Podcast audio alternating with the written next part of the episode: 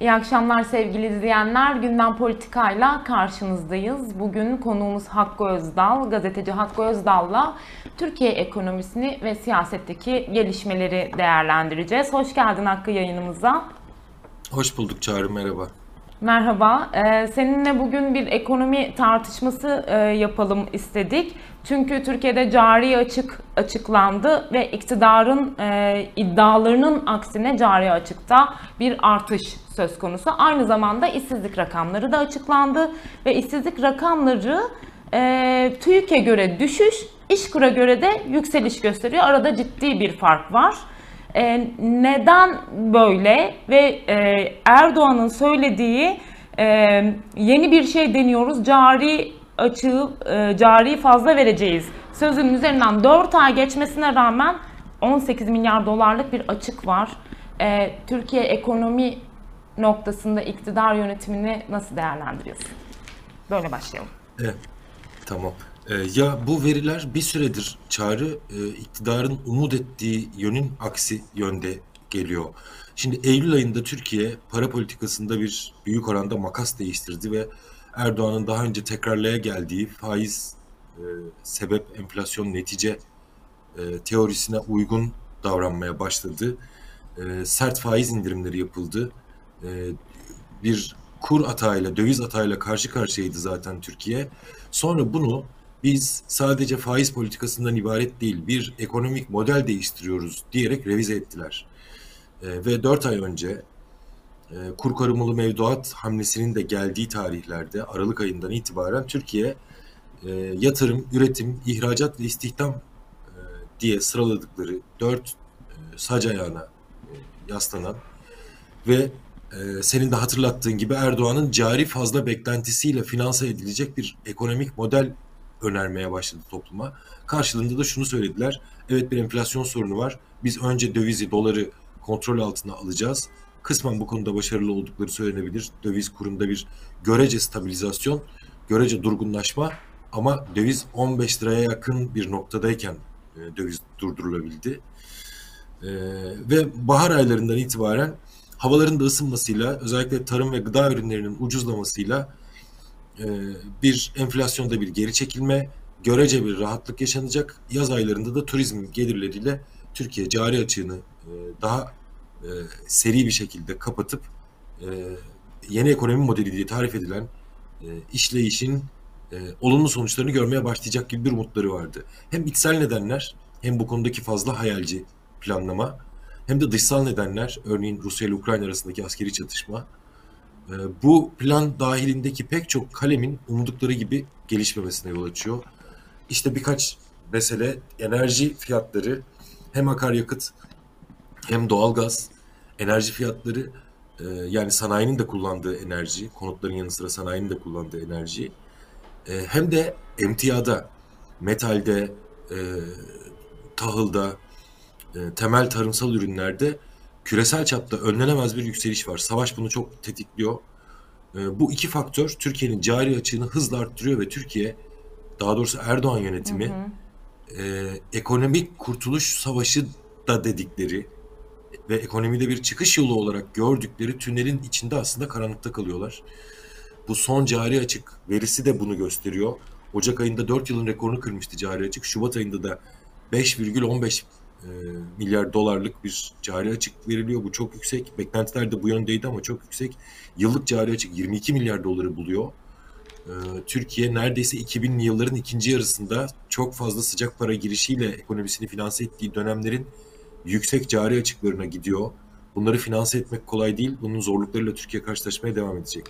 Evet şimdi mesela aynı benzer açıklamalara bu 4 ayın ardından hala da devam ediyorlar. Bakan Nebati'nin bugünkü açıklamaları örneğin e, tarih vermesi, 2023'e işaret etmesi hatta e, Türkiye ekonomisini ilk ona sokacağını e, söylemesi bugün konuşulan konulardan bir tanesiydi. E, bunu zaman zaman e, Cumhur İttifakı'nın diğer e, sözcüleri de dile getiriyorlar. Enflasyon rakamlarının düşeceğini, sakin olunması gerektiğini söylüyorlar ama 4 ay öncesine baktığımızda söylenilenlerin aksine daha da artan bir süreç yaşadık. Enflasyon rakamları da tavan yaptı. Çarşıya pazarı kötü yansıyor bunlar. Gerçekten Nebati'nin sö- söylediği gibi, Bakan Nebati'nin söylediği gibi bir 2023'te tek hane olma bu politikalarla ya da 7 ay sonrasında daha rahatlama gibi bir durum söz konusu olur mu? Bu yönetim biçimiyle nasıl okuyorsun? Ya şimdi bu şey vadi, e, ilk ona gireceğiz vadi. Aslında çok nesnel gerekçelere de sahip olmayan, bu yönüyle gerekçelendirilmeyen Erdoğan'ın da sıklıkla tekrarladığı bir vaat. E, bunun kısa vadede gerçekleşmesi çok olanaklı görünmüyor. Şöyle bir durum var Çağrı, hepimizin yaşadığı şey, sen hani enflasyonun çarşıya pazara yansıdığını söyledin. E, Türkiye'de temel tüketim maddelerinde, yaşam maddelerinde, yani bunun içinde sabun da var, temizlik malzemeleri de var, temel gıda var, e, kişisel bakım ürünleri var. E, yani bebek bezinden e, kağıt ürünlere kadar. Bunların hepsinde görülmemiş, e, çok uzun yıllardır görülmemiş fiyat artışları var ve Türkiye toplumu bunu karşılamakta çok zorlanıyor. İkincisi, bununla da bağlantılı olarak ikincisi, e, Türkiye'de bir görünmeyen esnaf işsizliği var. Yani şu anda o e, işsizlik azalıyormuş gibi görünen hani bir tür TÜİK sihirbazlığıyla e, şu koşullarda bile işsizlik azalıyormuş gibi gösteren istatistik sabah dükkanını açıp akşama kadar neredeyse hiç satış yapmadan oturan esnafı içermiyor mesela. Orada büyük bir gizli işsizlik yani işten güçten e, mahrum kalma hali var. Bu iki açıdan önemli. Birincisi siyasal iktidarın toplumsal tabanını hatta sınıfsal tabanını asıl bir destek gövdesi olarak oluşturan kesimlerden bir tanesi esnaf, küçük üretici, üretici, zanaatkar.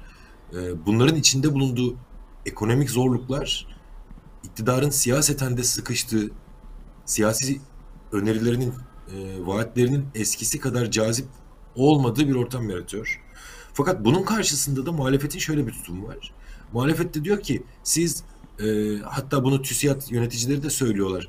Siz iktisat biliminin ve aklın gerektirdiği kurallara geri dönün diyorlar. Evet. İktisat biliminin ve aklın getirdiği kurallar dedikleri aslında bir tür kemer sıkma, e, bir tür IMF programı, IMF'siz IMF programı ya da IMF'li IMF programı e, gibi öneriler. Bu önerilerin de siyaseten karşılığı yok. Zaten sanırım herkes için mesele şu sıralar biraz şöyle bir sıkışmaya yansıyor. Bu kadar büyük pahalılık var. Bu kadar büyük ekonomik zorluklar var. Ama ne anketlerde ne sokakta iktidar tam bir çözülme içerisinde değil. Evet. Yani e, zincirlerinden boşalmış bir çözülme yok. Mesela Demokratik Sol Parti'nin, Anavatan Partisi'nin, Doğru Yol Partisi'nin geçmişte çözüldüğü gibi çözülmüyor iktidar. Bu temel soruyu belki e, topluma kim alternatif olarak ne söylüyor sorusuyla birlikte değerlendirmek lazım. Bu Erdoğan- neden peki? O zaman senden alalım. Yani e, her gündem enflasyon, her gündem e, zamlar. E, ama ısrarlı olarak hala orada bir hareketlenme, bir vazgeçiş durumu söz konusu değil. Acaba e, iktidarın karşısındaki alternatiflik meselesi mi tartışılıyor? Neden böyle? Evet, Çağrı fark ediyorsundur. Hani e, toplu taşıma kullanıyoruz, dışarıda insanlarla e, temas ediyoruz. E, bütün gündem bu.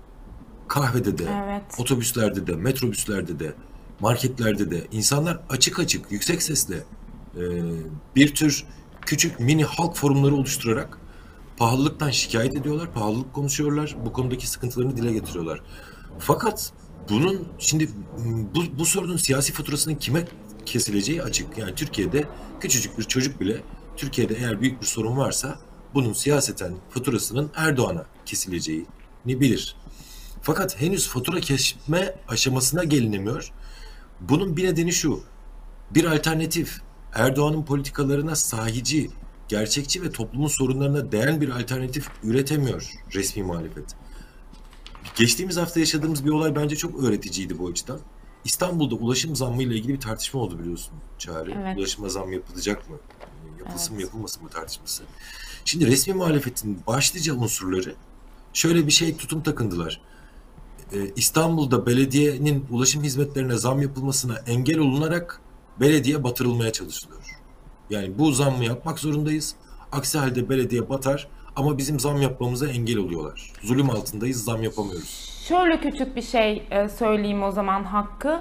Bu aynı zamanda e, benzer söylem iktidarın da söylemi değil mi? Çünkü iktidar da ekonomik olarak kasada para yok, çok az var. E, haliyle zaten benzer bir dili kullanarak zam yapmıyor mu? O zaman aynılaşma durumu söz konusu değil mi acaba? Evet, evet kesinlikle. Hani bir tür e, algoritma olarak bir düşünme biçimi ve silsilesi olarak iktidarınkine benzer bir şey söylemiş oluyorlar. Diyorlar ki dışsal şartlar bizi buna mecbur bırakıyor. Hükümet de, hükümet çevreleri de Türkiye'deki pahalılığın içerideki e, sorunlardan kaynaklanmadığını, küresel bir sorun olduğunu, hatta yer yer işte evet. stokçular, e, market e, şeyleri, kartellerinin kendi aralarındaki kirli anlaşmalar gibi çok dolaylı e, nedenleri de işaret ediyor. Şimdi muhalefet bunun karşısında kendi zammını savunan bir pozisyonda olunca örneğin İstanbul'da ulaşımı ucuz İstanbul bütçesi devasa bir bütçe. İstanbul'da ulaşımı ucuzlatmanın bir yolunu aramak, bir yol hı hı. burada bulmaya çalışmak, bunu toplumla müzakere etmek, istişare etmek yerine bize zam yaptırmıyorlar. Haydi destek verin de zam yapalım şu otobüs bindiğiniz otobüslere kampanyası yapınca e, Adalet Kalkınma Partisi'nden kopuşlar da hani bunu birebir karşı karşıya koymak belki çok doğru değil ama oradaki kopuşlar da e, eşyanın tabiatına uygun olmuyor. Herkesin umduğu, beklediği kopuşlar olmuyor. Bu konuda e, popüler muhalefetin işte altı partinin oluşturduğu resmi muhalefetin ve onun öncü güçlerinin bir piyasa normaline sıkışıp kaldığını görüyoruz. Piyasa normali denen bir şeye sıkışıp kaldığını görüyoruz. Bu bir çözüm olmuyor. Sadece Türkiye'de değil, dünyanın dört bir yanında insanların yaşadığı sorunlara eski küreselleşme ve piyasa ekonomisi e, terennümlerini hatırlatarak, bunları vaat ederek işin içinden çıkılmıyor. E, Avrupa'da pek çok seçim, Macaristan, Fransa, pek çok noktada yaşanan olaylar aslında bunu gösteriyor bize diye düşünüyorum. Evet zam zamanımız kalırsa belki biraz Fransa meselesini de konuşuruz. Hakkı ama buradan hazır biraz da iktidarın, e, muhalefetin e, yönetme biçimini ve siyaset yapma biçimini tartışmışken Türkiye'de şu anda özellikle de muhalefet açısından bir siyasetin adaylık e, meselesine kitlenmesini konuşalım.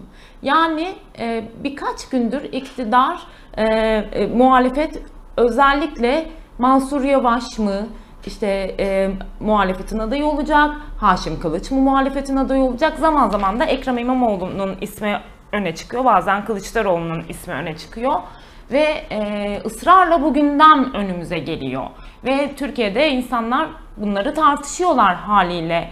Bütün bunları e, nasıl okuyorsun? Yani bu kadar dert varken Türkiye'nin e, siyaseti tartışma biçiminin adaylık meselesiyle sınırlı kaldığını düşünüyor musun sen de? Evet adaylıkla sınırlı kalıyor. Bu özellikle iktidarın çok işine yarıyor. İktidar bir aday tartışması üzerinden. Çünkü iktidar tarafında şöyle bir durum var. Adı konmamış olsa da henüz resmi olarak açıklanmamış olsa da e, Cumhur İttifakı'nın adayının e, Erdoğan, mevcut Cumhurbaşkanı Erdoğan olacağına dair bir kanaat var. Hatta bunu Bahçeli tekrarlıyor. Dolayısıyla orada açıklanmasına gerek görülmeyen bir adaylık statüsü zaten varmış gibi görünüyor. Açıklamamak suretiyle de her an vazgeçilebilir bir noktada duruyor Erdoğan'ın adaylığı. Geçilir geçilmez o ayrı.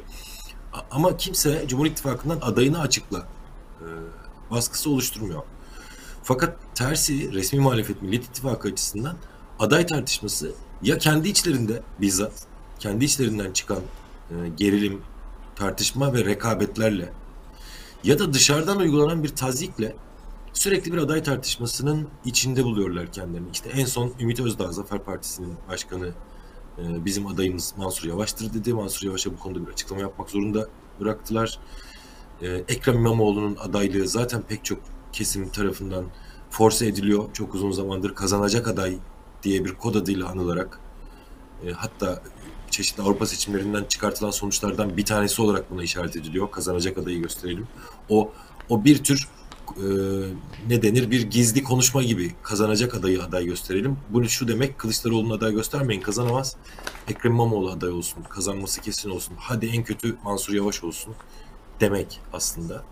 Bir yandan bu yapılıyor. Bir yandan e, Haşim Kılıç gibi, Abdullah Gül gibi isimler e, gündeme gelip duruyor. E, bu tartışmanın topluma hiçbir faydası ve karşılığı yok. Toplum açısından hiçbir karşılığı yok. Sadece şu sonuç çıkartılmasını anlamlı buluyorum ben. Çağrı dikkat et anılan isimlerin hepsi sağcı. Türkiye içinde bulunduğu sıkışma e, noktasında bir takım adaylar üzerinden bir çıkış aranıyorken Türkiye toplumun önüne sunulan herkes sağcı, Ekrem İmamoğlu dahil. Bu isimlerin hepsi e, ya doğrudan sağcılar, bir sağcı geleneğin içinden geliyorlar.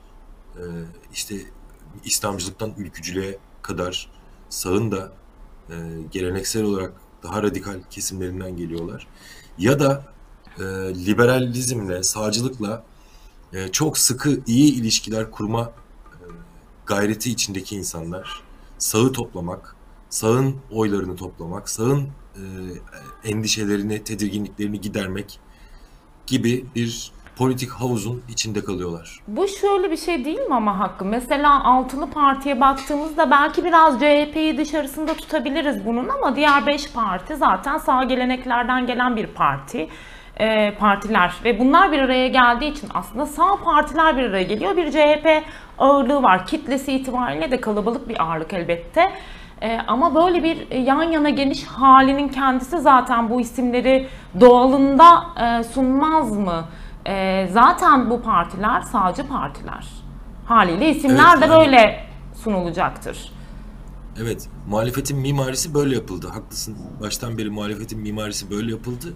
Şimdi zaten bu mimarinin sorunları yaşanıyor. Yani Türkiye toplumuna e, kamusal politikalar, üretim ilişkilerinde ve dağıtım, paylaşım ilişkilerinde daha adil e, bir bölüşüm önerebilecek herhangi bir sosyal demokrat e, telkinde bile bulunmayan, bulunamayacak durumda olan e, adaylar söz konusu oluyor. E, haklısın. E, resmi muhalefetin mimarisinde var bu sorun. Solun dışlandığı, hem politik olarak hem örgütsel olarak dışlandığı e, bu resmi muhalefetin sınırları sağcılık tarafından çiziliyor ve Türkiye'de maalesef 2017'den beri, anayasa referandumundan beri hemen her e, sandık tartışması sağın minderinde olup bitiyor. Ekmelettin İhsanoğlu'na kadar götürülebilir bu 2014'teki adayla. Evet. E, Türkiye'nin temel sorunları bir sağ minderde konuşulup dolayısıyla çözülemeyip bir sonraki döneme devrediyor. Ve sanırım bu dünyada da biraz böyle yani hem Macaristan'a biraz hem de Fransa'ya biraz bakacak olursak seçimlerine bakacak olursak e, çok benzetildi Macaristan meselesinde altılı partinin orada kurulan bir altılı parti ittifakı da vardı ve kaybetti. Fransa'ya bakalım. Fransa'da da e, inanılmaz bir sağ yükseliş e, durumu söz konusu. Şimdi oradaki tablolara bakıp Türkiye'yi de yo- yorumlamak doğru olur mu? Yoksa bu aslında dünyada bir sağ partilerin e, yükselişinin işareti mi bunlar? Sen nasıl e, baktın bu seçimlere? Evet. Yani şimdi tabii ki çok kendine özgü özellikleri, özgül yanları olan ülkeler, e, her bir ülkenin kendi iç siyasetini belirleyen e, ve birbirine benzemeyen dinamikler var. Fakat bir desen, ortak bir desen çıkıyor bence Çağrı. Şöyle ki, mesela Orban e, temel bazı gıda ve tüketim ürünlerinde fiyat sınırlamasına giderek, asgari ücrette artış sağlayarak, e, Rusya-Ukrayna savaşında e, Avrupa'nın geri kalanı kadar histerik bir e, çılgınlığa kapılmayarak hatta yer yer barış vaat ederek Macaristan'ın savaşa karışmayacağını vaat ederek büyük ekonomik sıkıntılar yaşayan e, küresel düzeyde büyük ekonomik sıkıntılar yaşanan bir dönemde Macar halkının kendisinin etrafındaki bu en azından durağan hali sürdürme eğilimini e, canlı tuttu. E, şimdi Fransa'da da benzer bir durum var. Fransa'da Macron şunu öneriyor topluma. Emeklilik yaşını 62'den 65'e çıkaracağız diyor. Şimdi insanlara daha geç emekli olmayı öneriyor Macron. Bunu da e, işte bizdekiler gibi akla ve bilime dayalı iktisadi politikalar çerçevesinde söylüyor aslında. Diyor ki bu kadar erken 62 yaşında emeklilik Fransa ekonomisinin ve e, bütçesinin kaldırabileceği bir şey değil. Biz gelin emeklilik yaşını arttıralım. Ya insanlar niye oy versin? Niye akın akın oy versinler? Kim kendisini daha yaşlı bir düzeyde emekli edecek bir politikalar evrenine, toplamına oy verir? Bunun karşısında da popülist sağ, işte Le Pen örneğinde olduğu gibi Fransa'da popülist sağ, hatta soldan bazı e, yaklaşımları çalarak e, alternatifmiş gibi görünen e, çözümler öneriyorlar. Toplumlar, Avrupa halkları, Türkiye'de dahil e, ve dünyanın çok geniş bir kesiminde halklar e, 80'lerden beri, 90'lardan beri çeşitli ülkelerde çeşitli dozlarda uygulanan neoliberal tahakküm politikalarından yıldılar. Bunların e, derin bir yoksulluk, gelir adaletsizliğinde korkunç uçurumlara yol açan politikalar olduğunu gördüler. Buradan bir çıkış öneren herhangi birinin geçmişte onun nasıl bir marjinal olduğuna, faşist ya da neofaşist olduğuna bakmaksızın dünya tarihi bu tür olaylarla dolu. Kendisine daha rasyonel görünen e, çözümlere eğilim gösterebiliyorlar. E, Fransa'da da sanırım Macaristan'da da yaşanan bu. Türkiye için de son bir cümle olsun benim bu bununla ilgili söylediğim. Türkiye için de şöyle bir risk var. Bir tarafta Erdoğan popülizmi, AKP MHP popülizmi. E, diğer tarafta işte e, akla bilime dönmeyi öneren resmi muhalefet. İkisinin de hegemonik gücünün zayıfladığı koşullarda Türkiye'de göçmen sorununu, işsizliği, yoksulluğu, doğu, kendi e, işlevli olarak araçsallaştıran bir neofaşist hareket. Şu anda varlığın bile henüz ortada olmayan ama bunun zeminini yer yer tehlikeli şekilde gördüğümüz yazın orman yangınları sırasında Evet. olduğu gibi tehlikeli şekilde gördüğümüz bir başka sağcılık, bir radikal sağcılık e, tüm bu partilerden şey devşirerek, e, güç devşirerek bir yol açabilir kendine bir buz kıran gibi. E, Türkiye bu riski göz önünde bulundurmalı diye düşünüyorum. Evet gerçekten Türkiye'de de sağ partinin alternatif yine sağ hareketler gibi gidiyor şu anda ve önümüzdeki dönem e, başka alternatifler çıkacak mı, örgütlenmeler olacak mı bunları da yine konuşuruz seninle elbette. E, Teşekkür ediyorum yayınımıza katıldığın için. E, Yeniden seni e, önümüzdeki programlarda ağırlayacağız. Teşekkürler. Ben teşekkür ederim Çağrı. Evet sevgili izleyenler bir günden politikanın daha sonuna geldik. Hem cari açık hem işsizlik, ekonomi meselesini konuştuk hem de Fransa ve Macaristan seçimleriyle Türkiye'yi bir karşılaştırdık neler oluyor diye. Yeniden karşınızda olacağız. Bizden bugün bu kadar. Hoşçakalın.